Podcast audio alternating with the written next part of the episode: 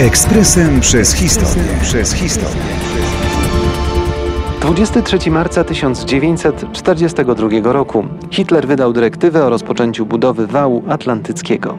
Po pierwsze był to wyraz gigantomanii, tak charakterystycznej dla zbrodniczego państwa niemieckiego w latach 1933-45. Po drugie Niemcy obawiali się jednak inwazji wojsk alianckich na kontynent europejski.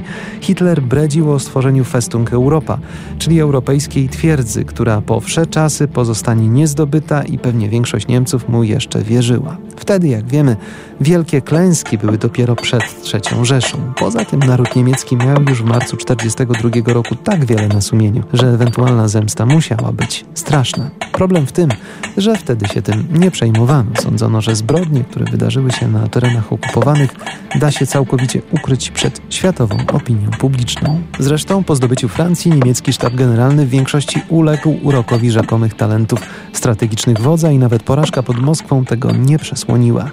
Budowa wału atlantyckiego wymagała ogromnych nakładów, nie tylko środków, ale i siły roboczej. Niemcy podeszli do sprawy, jak to mieli w zwyczaju w tamtych strasznych latach. Wykorzystali setki tysięcy robotników przymusowych do budowy tej gigantycznej fortyfikacji z żelaza betonu wzdłuż duńskiego, belgijskiego i francuskiego wybrzeża. Wśród nieszczęśników znaleźli się m.in. Polacy, Żydzi, Holendrzy i Czesi. Historycy szacują, że łącznie do tych wyczerpujących prac Niemcy zmusili około dwóch milionów ludzi. I tak nie udało się budowy wału ukończyć. Co najbardziej gorzkie, najsilniej umocniono rejon Calais. Kiedy wreszcie doszło do inwazji, alianci znając układ wału, zdecydowali się na lądowanie w Normandii, gdzie te fortyfikacje były znacznie słabsze. Ekspresem przez historię. Przez historię.